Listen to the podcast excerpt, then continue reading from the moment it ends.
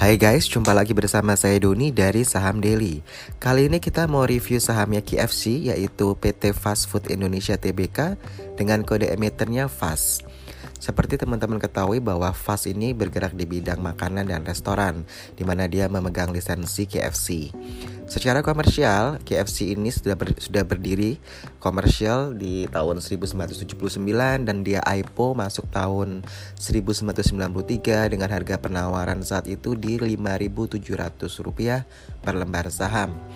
Untuk komposisi pemegang saham, 43,84% dikuasai oleh PT Gelal Pratama, 35,84% dikuasai oleh PT Indo Retail Makmur International Tbk, sedangkan sisanya yaitu sebesar 20,32% dikuasai oleh pabrik di mana ini bagus karena kepemilikan pabrik di atas 20% ya di kisaran situ.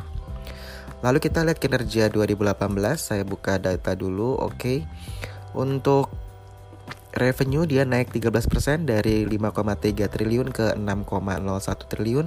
Sedangkan untuk net profit naik 27% dari 167 miliar ke 212 miliar.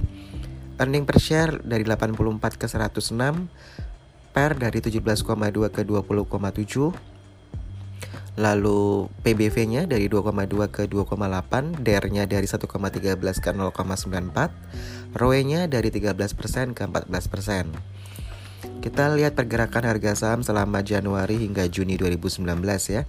Paling tinggi di tanggal 29 April 2019 di harga Rp2.550 dan Jumat kemarin tanggal 14 Juni 2019 dia ditutup di harga 2.200.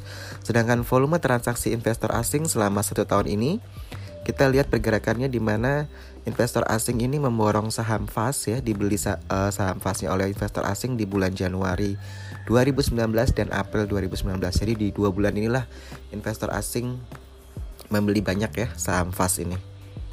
Untuk kinerja kuartal pertama 2019, dia membukukan peningkatan pendapatan sebesar 14,8% dari 1,3 triliun menjadi 1,53 triliun Sedangkan laba bersih juga naik ya, naiknya sebesar 221,3% dari 16 miliar ke 50 miliar.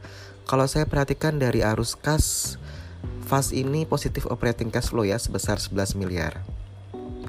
Nah, uh, FAS ini atau KFC akan membagikan dividen sebesar 63,84 miliar atau 32 rupiah per lembar saham. Jadi dividen payout ratio-nya FAS ini di 30,11% dari total laba tahun 2018 ya.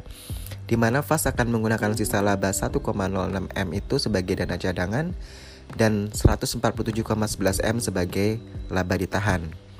Jadi jumlah dividen yang dibagi perusahaan tahun ini naik 28% ya dari tahun lalu. Kalau tahun lalu cuma 25 rupiah per lembar saham, sedangkan tahun ini di 32 rupiah per lembar saham. Untuk jam dividen date-nya di tanggal 18 Juni 2019 ya. Hingga tanggal 31 Mei 2019, KFC ini telah meluncurkan 25 gerai baru. Saya ulangi 25 gerai baru. Jadi totalnya dia sekarang ada 714 gerai ya. Sedangkan sepanjang tahun 2018 kemarin dia ada 61 gerai baru yang diluncurkan di Indonesia. Dan tentunya penambahan gerai ini mendongkrak penjualan sebesar 6%. Nah, tahun 2019 ini dia menargetkan pertumbuhan pendapatan sebesar 13,5% year on year. Jadi sekitar 6,8 triliun ya.